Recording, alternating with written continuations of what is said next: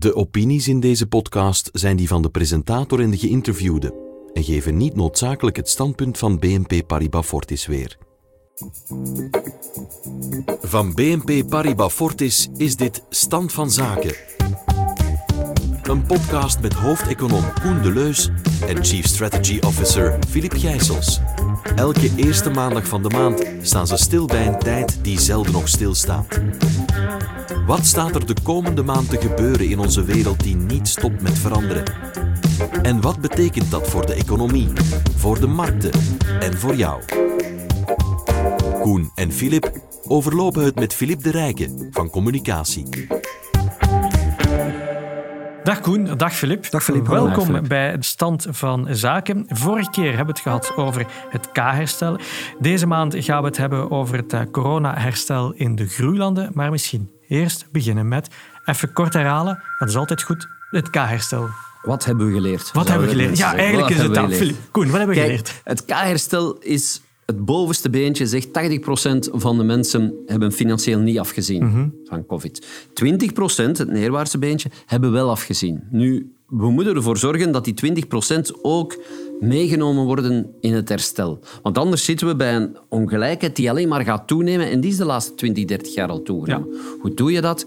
Eén, door heel doorgericht steun te geven. Ten tweede, wat je ook moet doen, is die mensen bij de hand pakken om hun te hervormen, opnieuw te leren om naar een andere sector daar Ja, actief te dus zijn. vooral zij die dan eigenlijk hun job hebben verloren door de crisis. Ja. Ja.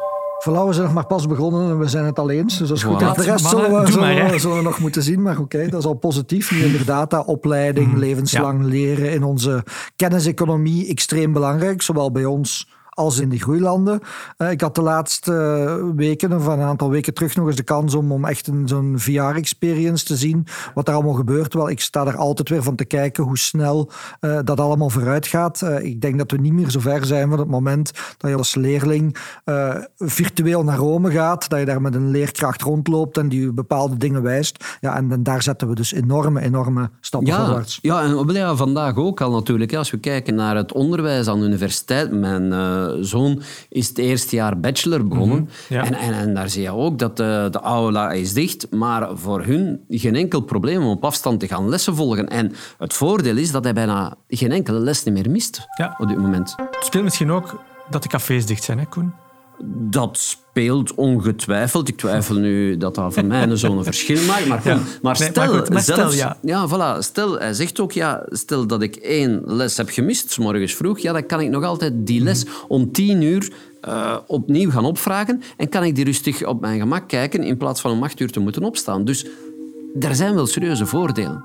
Ja. Zie je die voordelen ook, Wel, Flip? stop, rewind and play is een enorm voordeel. Als je Inderdaad. inderdaad eens wilt bekijken. Ik had een heel lange tijd geleden een leraar die altijd zei als iemand iets niet begreep, en ja, dat gebeurde nog alles, I will stop, rewind and play. Maar nu kan je dat effectief Effect, doen. ja. Dus dat is wel een enorme verbetering. Nu, ik denk, als we naar de investeringsgevolgen daarvan kijken, ja, heel veel van die platforms die op een of andere manier, ook weer bij ons, maar ook in de groeilanden, die te maken hebben met leren op afstand, ja, die boomen enorm. Maar wat we ook niet mogen vergeten is dat daar een hele machinerie achter zit eh, op gebied van hardware en ook op gebied van software. Eh, en daar komt natuurlijk wel het spanningsveld ook weer tussen groeilanden en mature markten naar voren. Want wat wij altijd gedaan hebben, is voor een stuk eh, proberen de platform companies te zijn. Dat wil zeggen, Ja. je doet de ontwikkeling bij ons, je doet de verkoop bij ons, de marketing bij ons, maar je gaat de productie gaan outsourcen naar die landen. Eh, ik denk dat het ook heel belangrijk is om te kijken naar de hardware ook, want we hebben het gevoel, we moeten alleen maar software doen, maar ook die hardware is zo technisch. En, en het spanningsveld zit er juist in dat die groeilanden voor een stuk zeggen, ja, we willen eigenlijk niet meer alleen de leverancier zijn van goedkope arbeiders of van grondstoffen, Ja. maar we willen ook effectief op die value chain. Ja, ja. En terwijl het Westen dan natuurlijk zijn voorsprong probeert te behouden. En, en ja, dat, dat gaat wel ergens blijven botsen, beginnen botsen. Mhm. China, Verenigde Staten, ook op domeinen zoals artificiële intelligentie en dergelijke. Ja, ja. Nu, als we even kijken naar de situatie van die groeilanden. ehm, waar staan ze op dit moment? Ehm, welke bedreigingen eh, kennen ze? Wat zijn de opportuniteiten? Ehm, misschien om te beginnen, hoe ernstig is de situatie in de groeilanden? Wel, het voorbije jaar heeft, toch, eh, ja, heeft hen toch pijn gedaan. Men schat dat uh, Arato ongeveer zo'n 40 à 60 miljoen mensen extra onder de armoedegrens Mm, is zijn gegaan. Ja, dat is inderdaad zeer veel. En dan zie je dat eigenlijk dat sinds 1988 is het verschil in armoede, hoeveel mensen dat uit de armoede zijn gegaan, is een rechte lijn naar beneden geweest. Of een rechte lijn naar boven, zoals je het wil zeggen. En vandaag zie je dat in 2020 voor de eerste keer daar een kink in de kabel is. Dat er dus eigenlijk meer mensen opnieuw, arm zijn geworden in plaats van minder mensen. En dan, dan zie je eigenlijk dat 55% van die groeilanden tot die categorie behoren waar meer en meer mensen armer zijn geworden ten opzichte van de ontwikkelde landen. En, en dan is dan bijvoorbeeld ja, Nigeria, dan, dan denk ik aan Congo, Indonesië, Bangladesh, dat zijn de belangrijkste landen. Mhm. En dat is natuurlijk wel zeer jammer. Dus ik hoor je nu zeggen, uh, door die coronacrisis zitten in meer dan de helft van die groeilanden mensen gewoon een stap terug uh, op, het, op, op vlak van, van hun inkomen, op vlak van hun welvaart. Dat is gigantisch veel. Hoe komt dat?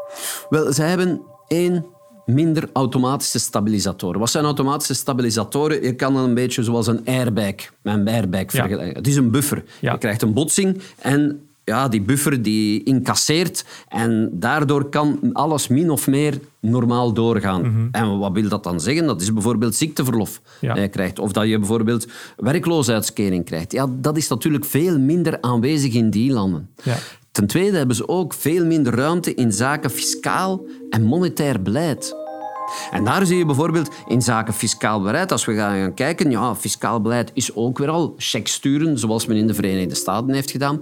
Tijdelijke werkloosheid, zoals we hier hebben gedaan. Ja, ook daar is in de groeilanden natuurlijk weinig sprake van. Als we gaan kijken naar de totale fiscale steun die gegeven is in de groeilanden, dan komt dat neer op 10% van het bbp. Als we gaan kijken hier naar de developed markets, dan is dat om en bij de 30%. Dus drie keer zoveel. Ja. En dat is natuurlijk een heel groot verschil. Ja. Dus eigenlijk, uh, Filip, zijn de ja, de groeilanden eigenlijk ook ongelooflijk afhankelijk van de instroom hè, van, van kapitaal ja, van hieruit. Dat is uh, echt de nagel op de kop uh, die, die je slaat en die Koen ook slaat. Hè. We leven hier in het Westen heel fel in die wereld van modern monetaire theorie, waar we het dan ook over gehad hebben. Mm Een massale stimulus van de overheid, uh, van de centrale banken. Um, groeilanden kunnen dat minder doen, hebben daar duidelijk minder de mogelijkheden voor. Dus inderdaad afhankelijk van die kapitaalstromen die van bij ons komen. Maar die durven ook nog wel eens wispelturig zijn. Hè. Dat moet je een beetje zien als een een kraan die open staat of die dicht is. En, en die voor iedereen daar open is uh, of dicht is. En zij willen natuurlijk liefst zoveel wat we dan foreign direct investments noemen. Uh, zeg maar, je bouwt daar een fabriek. Ja, die kan je niet van vandaag op morgen terug naar hier brengen. Dus... Maar als je daar obligaties koopt, aandelen koopt, dan wel. Dan kan dat met één druk op de knop weg zijn. En, en wat je dan ziet is dat natuurlijk al die landen meegaan met, met, die, met die ebb and flow van die kapitaalstromen. Maar wat we altijd tegen cliënten zeggen aan de bedrijvenkant, die dan kijken naar ons voor indekkingen en dergelijke, denk nu niet, als je veel van die groeilanden zaken doet, dat de zwakte op één plaats uh, zal gecompenseerd worden door sterkte op een andere plaats. Want de kraan is open voor iedereen of de kraan is dicht. Dus het is een, een alles of niks verhaal, maar ze zijn inderdaad heel afhankelijk van die kapitaalstromen. Ja, want die, die groeilanden die kunnen niet echt een, een eigen monetair beleid gaan voeren.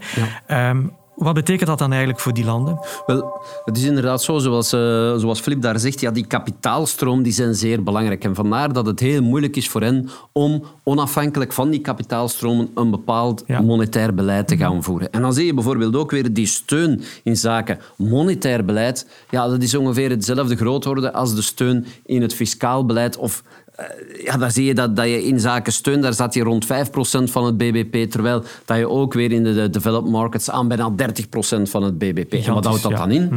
Dat is dan bijvoorbeeld opkoop van obligaties. Opkoop van bedrijfsobligaties, opkoop van uh, overheidsobligaties, om die rente laag te houden. Natuurlijk, hoe meer dat je de rente laag houdt, hoe meer zuurstof dat je geeft, maar hoe lager dat die rente is, hoe meer dat de kans bestaat dat er kapitaaluitstroom uit die groeilanden gaat zijn, omdat het renteverschil dan te klein wordt om het risico te dekken. Dus ze hebben daar heel weinig bewegingsruimte. Ja. Is er dan misschien een rol weggelegd uh, voor het ECB, voor de Fed? Wel, de ECB en de Fed en de Federal Reserve hebben daar inderdaad deze keer een heel goede rol in gespeeld. Er was te weinig liquiditeit. Iedereen ging terug naar de veilige havens. En daar heeft de Federal Reserve gezegd, ja jongens, er is hier geen probleem. Jullie hebben genoeg liquiditeit, want wij zorgen ervoor dat er, wanneer dat jullie liquiditeit nodig hebben, dat er altijd liquiditeit zal zijn. En daardoor is eigenlijk toch een beetje die stroom uit die groeilanden, is die toch langzaamaan gestabiliseerd. En zie je dat ze langzaamaan ja, toch hun financiële situatie in eigen handen kon hebben.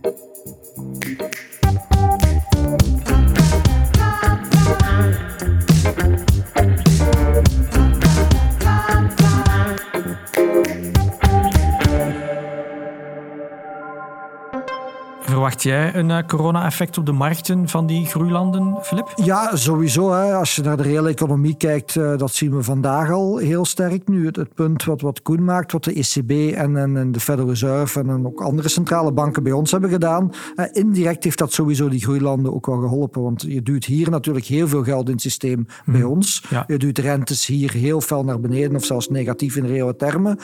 maar markten zijn communicerende vaten. Want als je dan natuurlijk in die groeimarkten wel nog 3, 4, 5, 6 procent rente soms kan krijgen, ja, dan stroomt er automatisch ook wel wat geld in die richting. Hm. En dat heeft er wel zeker geholpen. Nu, wat heel belangrijk is, de reële economie en de markten zijn niet noodzakelijk hetzelfde. En op dit moment gaat het economisch natuurlijk niet fantastisch goed. Niet bij ons. We hebben wel beterschap in zicht, hopen we. Uh, ook in de groeilanden niet. Maar als je kijkt naar de investeringen in de groeilanden, wel, dan denken we dat dat op, voor de komende maanden en zelfs jaren uh, zeker nog niet zo slecht zit. Hè? Want groeilanden hebben eigenlijk op de keper beschouwd uh, drie dingen nodig. De naam zegt het zelf, groeilanden. Ja, je moet groei hebben. Dus die verwachten we, als ik Koen mag geloven, in de tweede jaarhelft. Dus dat, dat komt goed.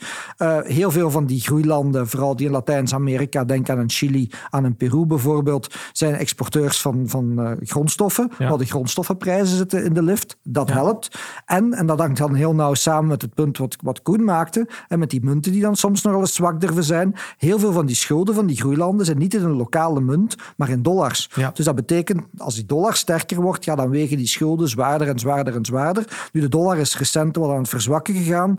We denken dat het nog wat verder gaat. Dus als ik die drie dingen bij elkaar optel, mm -hmm. ja, dan zijn er eigenlijk drie molenstenen die ja. rond de nek van die groeimarkten hingen weg. Uh, en dat laat me geloven ja, dat we toch wel investeringsmatig uh, er niet zo slecht op staan.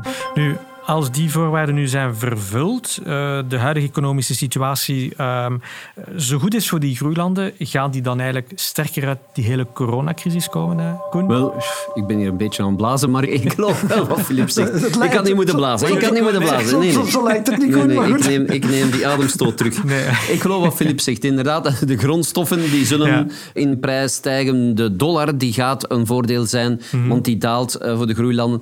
En normaal gezien gaan we ook naar een economische heropleving. Maar daar heb ik een beetje schrik van. We bevinden ons mogelijk op een kantelpunt, zeggen jullie. Volgens Flip staan de sterren gunstig voor de groeilanden, stijgende grondstofprijzen, een zwakke dollar. Maar Koen, jij twijfelt eigenlijk wel een beetje aan die economische heropleving van die groeilanden. Waarom? Wel, twijfel is een groot woord. Laten we het een risicoanalyse van het ongezond verstand noemen. En het ongezond verstand, dat zie ik vooral in die mature markten waar er echt wel sprake is van vaccinnationalisme. Wat bedoel ik daarmee? Ja, wij moeten ons vaccins hebben. Wij moeten zorgen dat we onze burgers zo snel als mogelijk inenten. En de rest kan ons eigenlijk niet schelen. Niet schelen en ja. mm -hmm. Ik denk dat dat heel gevaarlijk is, want zelfs als we nu heel snel allemaal ingeënt worden, zelfs als we, laten we zeggen, tegen de helft van het jaar groepsimmuniteit hebben, 80% van de mensen is uh, ingeënt, zijn we dan veilig? Nee, helemaal niet, want we zijn maar veilig als heel de wereld veilig is. En dat is het grote probleem. Maar hoor ik jou nu zeggen, Koen, dat we vanuit de mature landen... Hm? Moeten inzetten op vaccineren van in die groeilanden? Zeker, zeker. Want als zij niet op tijd gevaccineerd worden, dan gaat dat virus maar blijven muteren. Ja. Hoe meer mutaties, hoe groter de kans dat er een of andere virus vaccinresistent wordt. En mm -hmm. dat moeten we natuurlijk ten alle prijzen vermijden, want dat wil zeggen dat we hier van begin af opnieuw, opnieuw moeten gaan vaccineren. Mm -hmm. En opnieuw een vaccin moeten gaan ontwikkelen. Oké, okay, dat duurt maar vier, vijf maanden. Maar dat is weer al vier, ja. vijf maanden. En zo blijft het spel. Zo zit hij in een ja, negatieve ja. spiraal waar hij niet uit geraakt. Ja, jullie kwamen daar goed overeen bij het begin van deze uitzending. Filip, deel jij die mening van Koen? Wel, uh, gedeeltelijk zal ik zeggen. Uh, ik zal beginnen met het stuk waar, waar ik het volledig mee eens ben. Dus het is inderdaad zo, het, het positieve, de positieve visie die we hebben op markten, is het nu bij ons of op de, op de groeilanden, is voor een stuk gestoeld op het feit er komt een herstel in de tweede jaarhelft. Ja. Wanneer dat die juist komt, of het dan juli of september is, is niet zo belangrijk. Maar vorige keer hebben we ook gezegd, de markten zijn op dit moment bereid om door die winter te kijken naar die lente of, of naar die zomer. Natuurlijk, als daar iets gebeurt, ja, dan heb je wel een probleem. Mm. En dat is niet alleen ja. voor de groeilanden, maar, maar ook voor ja. ons. Dus, dus daar zijn we volledig aligned, zal ik zeggen. Nu, dat, dat geven van vaccins aan groeilanden, ja, daar ben ik het ook eigenlijk mee eens. Want uh, de, pandemie stopt niet aan de grenzen. Hè. Dat hebben we spijtig genoeg de laatste maanden duidelijk gezien. Dus op het moment dat bepaalde stukken van de wereld niet veilig zijn, uh, gaat dat ook impact hebben op de rest van de wereld. En zoveel kost dat niet, hè? Dat kost 27 miljard. Ja, maar het is niet alleen een kwestie van wat het kost. Hè, want mhm. uiteindelijk 27 miljard, dat zijn wederom veel nullen.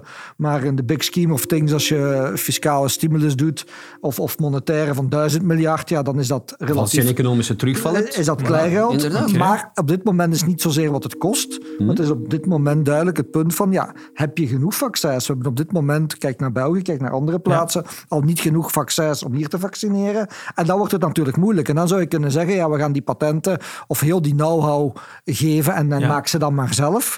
Uh, maar ja, dan kom je op dat spanningsveld waar we het over hadden. Ja, ga je die technologie het handen geven. Dus ik ben absoluut voorstander van uh, laten we maar zoveel mogelijk vaccineren waar we kunnen. Maar op dit moment is het denk ik vooral een kwestie van dat je niet genoeg hebt op dit moment ik ben daar eigenlijk, want dit kan nu heel zwart klinken, wat, wat we nu zeggen, maar ik ben daar eigenlijk wel redelijk optimistisch in. Want eh, we zijn bezig met een enorm grote logistieke oefening. Hè, die we bijna kunnen vergelijken met het vechten van de Tweede Wereldoorlog en heel veel eh, machinerie en wapentuig verplaatsen om, om, om ja, allerlei dingen mee gaan te doen.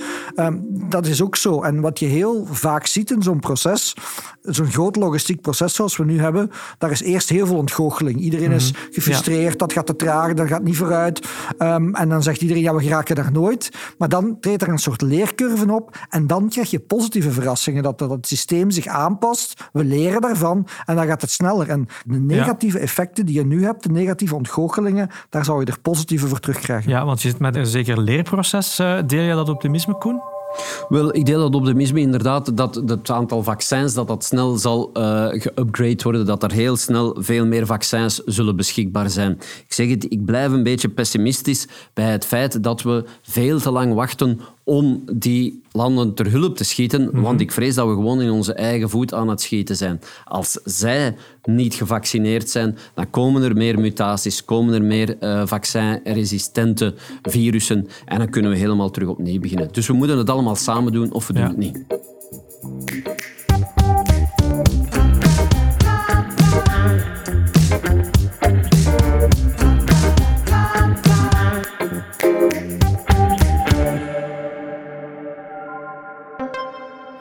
Jij hekelde daarnet het vaccin-nationalisme. Je gaf al aan dat ontzettend veel mensen in de groeilanden in armoede dreigen te belanden. Wat moeten wij doen vanuit deze mature landen?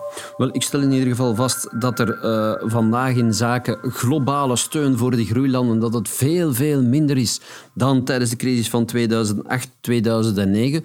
Toen was de G20 daar zeer snel bij om financiële steun te geven, om andere zaken te doen, waardoor dat, ja, de, de, de hoogste nood toch wel geledigd werd. Mhm. Als we bijvoorbeeld gaan kijken naar wat er vandaag gebeurt, er is een moratorium afgekondigd op rentebetalingen vanwege de groeilanden, maar Flip, je had het daar straks over die molensteen. Wel, een molensteen zijn er een paar die ze kunnen afschudden als, er, eh, als we naar een herstel gaan, maar één hangt nog altijd heel zwaar rond die nek. Dat zijn de schulden, eh, heel zware schulden en natuurlijk die onzekerheid van een heropleving, waardoor dat het ook heel moeilijk is om naar de financiële markt te gaan om geld op te halen. Mm. Filip, wat denk jij hiervan? Hebben de steunmaatregelen waar uh, Koen het erover had, van 2008, een positief effect gehad op die groeimarkt? Ik denk dat dat heel zeker geholpen heeft uh, voor die economieën alleszins. En het klopt dat er nu waarschijnlijk minder wordt gedaan. Um, maar nogmaals, economisch gezien ging het dan mhm. weer beter. Maar wat we daar straks ook over hadden, dat dat niet noodzakelijk moet samenlopen met, met wat de markten doen. Want de groeimarkten doen het al sinds 2008, 2009 minder goed dan de meer mature markten. En dat is dan een trend waar we dan denken dat er uh, ja, toch wel verandering gaat komen. Nu, een goed punt is dan ook weer, ja, we zitten natuurlijk zelf op dit moment met, met enorme schuldenlasten, waar we waarschijnlijk inflatie of wat dan ook moeten gaan creëren om dat voor een stukje toch gaan, gaan te verlichten. Ja, dan is het natuurlijk moeilijk om aan je eigen bevolking gaan te verkopen. Ja, we gaan die schulden eens een keer gaan kwijtschelden. En ik denk dat ook een heel belangrijk punt is. We hebben dat nog niet echt aangehaald vandaag, want we praten dan over ontwikkelingslanden, groeilanden. Maar dat is ook niet eigenlijk allemaal hetzelfde, om die allemaal over dezelfde kant te scheren. Aan de ene kant heb je natuurlijk een aantal landen die echt in een vroeg stadium van ontwikkeling zijn. Vaak in Afrika of in Azië of andere plaatsen, Latijns-Amerika. Ja, die moet je natuurlijk massaal gaan steunen wat doe je met China? Wat doe je met in India? Dat, dat zijn dan eigenlijk groeilanden en dat zijn ook voor een stuk concurrenten. En dan kom je weer op dat spanningsveld Ja. van ja, hoeveel van je technologie ga je weggeven eh, of, of, of, of ter beschikking stellen. En we willen allemaal natuurlijk een wereld waar iedereen gezellig samenwerkt, maar dat is een moeilijke, denk ik. Je moet een onderscheid maken tussen groeilanden. Ja. Je hebt inderdaad groeilanden die al serieus gegroeid zijn, die eigenlijk geen groeilanden meer zijn. Ja, en dan ja. spreken we over China. Eh, India begint ook langzaamaan daar te zijn. En dan zijn er nog andere. Maar je hebt natuurlijk de landen met een zeer laag inkomen. En daar denk ik dat er geen twijfel mogelijk is. Ja. Daar moeten we De- de- naar, een, een- naar een soort... eh, naar beneden halen van die schulden. Ja. Moeten we ze dan gewoon kwijtschelden, heren? Ik denk dat we daar eerst zeker een stuk van die schulden gaan moeten kwijtschelden, want anders hebben zij geen enkele financiële ruimte om ja, het herstel een duw in de rug te geven. Ten tweede zijn er nog andere mogelijkheden. Bijvoorbeeld, het IMF beschikt over SDR's. Ja, waarom laten we niet wat extra SDR's uitgeven? Ja, SDR's. SDR's, eh, Special Drawing Rights, speciale trekkingsrechten. Nu, wat wil dat eigenlijk zeggen? Dat is, goh, ik zou dat zeggen, dat is een zak geld. Mhm. En wat is de waarde van dat geld? Dat is eh, verbonden aan vijf verschillende munten, vijf verschillende reservemunten. Ja. Een stukje van die zak geld is dollars, een stukje van die zak geld is pond, dan heb je nog de yen, eh, dan heb je nog de euro en dan heb je nog de Chinese renminbi. Ja. En die zak geld, die kan je creëren. Als bijvoorbeeld de IMF, 85% van de leden van het IMF zegt wij gaan extra geld creëren, Mhm. Dan kan je zo'n zak geld gaan bovenhalen. Maar wie draait dan op voor die SDR's? Wel, niemand. Want het is een beetje zoals bij centrale banken. Centrale banken kunnen geld creëren. IMF kan zeggen, oké, wij willen ook geld creëren. Wij gaan, als 85%, altijd belangrijk, Ja, ja. 85% Oké. van de leden het akkoord gaan, wij kunnen ook voor 1000 miljard aan SDR's gaan creëren. En die SDR's, dat is eigenlijk bijkomende reserves, die dan als reserves kunnen dienen voor de landen om hun betalingen op de lopende rekeningen goed te kunnen doen. 45% van die gecreëerde SDR's gaat naar de ontwikkelingslanden, 55% gaat dan naar de andere landen. Nu, de vraag is natuurlijk, als jij die SDR krijgt, dan moet je dat nog inruilen. Wie gaat die kopen? Wel, er zijn altijd dedicated countries die die moeten kopen, maar er zijn ook veel landen, bijvoorbeeld Duitsland kan ik me inbeelden, die heel veel reserves hebben, veel te veel reserves hebben, en die dan zeggen, oké, ik koop uw SDR's, dus trekkingsrechten wel op, en zij krijgen daar in ruil een heel kleine rente voor, Ja. 0,11 procent, en die landen moeten 0,11 procent Maar toch iemand gaat het gelag moeten betalen, Flip. Ja, ehm, ik hoor Koen dan graag bezig met zijn zak van geld en zo, maar, maar allee, we zijn dan weer Sinterklaas. terug... Ja, daar Ja. lig het even op. Ik hoor al niet zeggen, maar, eh, of Ja. Sinterklaas, de kerstman en Pasen samen. Maar, maar we belanden inderdaad weer terug in, in die wereld van modern monetaire theorie, waar je inderdaad geld creëert ergens, bij ons of waar dan ook, dat je dat op een of andere manier herverdeelt. Eh, en ja, niks is in onze wereld gratuit. Dus, dus op een bepaald moment ga je daar wel een issue hebben. En het zou wel eens inflatie kunnen worden. Als je genoeg geld creëert, dat doen we bij ons al. We hebben het er de laatste keer over gehad dat dat wel eens een wereld van inflatie zou kunnen creëren, waar we dan als belegger natuurlijk anders moeten gaan ons positioneren dan we de laatste 40 jaar gewoon waren. Ja, als we dat dan nog eens op grote schaal voor de groeimarkten gaan doen, Mhm. Ja. wel, dan gaat dat de zaak misschien nog meer zou- in die richting duwen. Het zou niet Ja, slecht zijn. hè? dat slecht is. Veel Waarom zou het niet slecht zijn, eh, Koen? Wel, een beetje meer inflatie creëren. We zien dat we vandaag te weinig inflatie hebben. De voorbije 10, 15 jaar. We willen wat extra inflatie. Hebben we ook tijdens de laatste afleveringen gezien. Om die schulden automatisch een beetje af te romen. Waarom niet? Het is inderdaad Sinterklaas, maar of dat centrale bankiers nu Sinterklaas spelen of IMF Sinterklaas, ik denk dat we vandaag wel Sinterklaas nodig hebben. Nu, als ik, als ik jou bezig hoor, en ik hoor ook Krugman, ik wil niet vergelijken met Kroegman of met anderen, maar, maar, het- maar, maar uiteindelijk is het voor een stuk wel, ja, dat sterkt mij in de overtuiging dat je reëel actief aan moet hebben. Hè? Want als je geld Ja. ontwaart, want daar zijn we dan wel mee bezig, hè? hoe meer zakken geld je op tafel tovert, hoe minder dat dat geld waard wordt. En dat is, dat is inflatie. Ja. Ja. dan moet je inderdaad eh, vastgoed en goud en aandelen en dergelijke hebben. Ja, daar ga ik niet ongelukkig over zijn, denk ik. Ja, maar is zo dat principe van die SDR's al eens toegepast, 2008 dacht ik? Ja. Wat, we moeten dat dan gewoon opnieuw doen?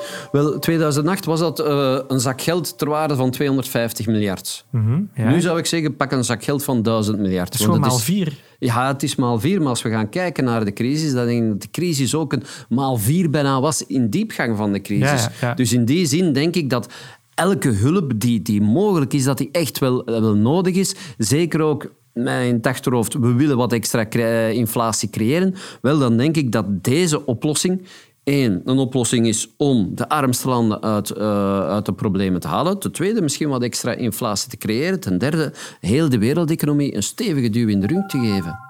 Iets heel positiefs, dat is heel fijn om mee af te sluiten. Maar voor we afsluiten, uh, mijn beste Filip, een boek heb je vandaag ook meegebracht, zoals elke keer bij Stand van Zaken. Welk boek heb je dit keer meegebracht? Wel, uh, Filip, ik heb geopteerd voor iets uit mijn boekenkast wat er al heel wat jaren staat. Het is een boek van 2002. Uh, Mark Faber, Tomorrow's Gold, Age as Age of Discovery. Mm -hmm, okay. Gaat over de opkomst van Azië. Um, is een man die misschien iets minder bekend is bij de, bij de jongere generatie. Uh, niemand weet juist hoe oud dat die man is, maar hij vertelt mooie verhalen. En de centrale visie in het boek is van kijk, uh, die groeilanden worden systematisch een groter stuk van de wereldeconomie. Hè. 20, 25 jaar geleden, corrigeer mij Koen, was dat 40 procent. Ondertussen is dat 60 procent, wordt 70 procent. Dus eigenlijk moet dat in de portefeuilles van onze cliënten vertaald worden in mm -hmm. een, een, groter gewicht okay. uh, in die groeilanden. Nu, wat interessant is, um, 2002 ja, dan kan je zeggen, heeft die man gelijk gehad of, of ongelijk gehad voor een stuk. Um, groeilanden zijn inderdaad een groter stuk van de wereldeconomie geworden, maar het is niet altijd een pad over rozen geweest. Er zijn ook crisissen geweest, ze hebben allemaal hun geld teruggetrokken. De geldkraan is op bepaalde momenten dichtgedraaid. Er is underperformance sinds 2008, 2009. Dus timing is belangrijk. Um, en het is niet altijd dat die altijd beter moeten doen. Nu wel voor een stuk, mm -hmm. maar, maar, maar niet altijd. Okay. Uh, nu, als ik het over metaforen en verhalen heb, um, ik vind dat er een hele mooie in staat. Het is misschien een beetje onerbiedig voor de centrale bankiers, maar Mark Faber zegt, centrale bankiers zijn olifanten. Die staan allemaal rond een, een grote paal. En op die paal ligt een grote kuip met water, een grote emmer. En die slaan met hun hoofd tegen die, tegen die paal. En die kunnen dan bepalen hoeveel water, hoeveel liquiditeit, hoeveel geld er in het systeem valt. Maar ze kunnen niet bepalen waar het juist naartoe gaat. En zouden natuurlijk graag hebben dat dat in de reële economie terechtkomt. Maar heel vaak komt dat natuurlijk ook terecht uh, in, de, ja, in de financiële -hmm. markten. Dus, maar het boek staat vol van deze metaforen. Een boek wat zoveel jaren meegaat ja. en nog altijd actueel is. Een goed boek. Dus ik kan het eigenlijk aan iedereen aanbevelen. Oké. Okay.